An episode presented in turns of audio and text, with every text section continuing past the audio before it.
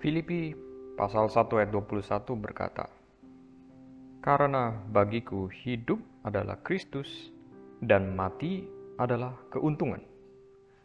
Siapakah yang dilihat orang dari hidup kita? Kristus ataukah saya?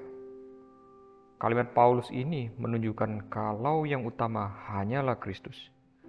Bagi Paulus, apa pun yang dikehendaki Kristus dalam atau melalui hidupnya adalah hal yang paling utama.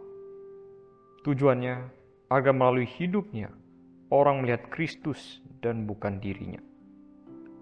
Ini yang membuat Paulus rela untuk dianiaya, difitnah, disakiti, didera, bahkan mati jika hal itu membuat orang melihat Kristus melalui dirinya. Siapakah yang dilihat orang dari kita? Kristus ataukah saya? Kemuliaan Kristus atau kemuliaan saya? Kasih Kristus atau cinta diri? Kebenaran Kristus atau kebenaran saya? Kesenangan Kristus ataukah kesenangan saya?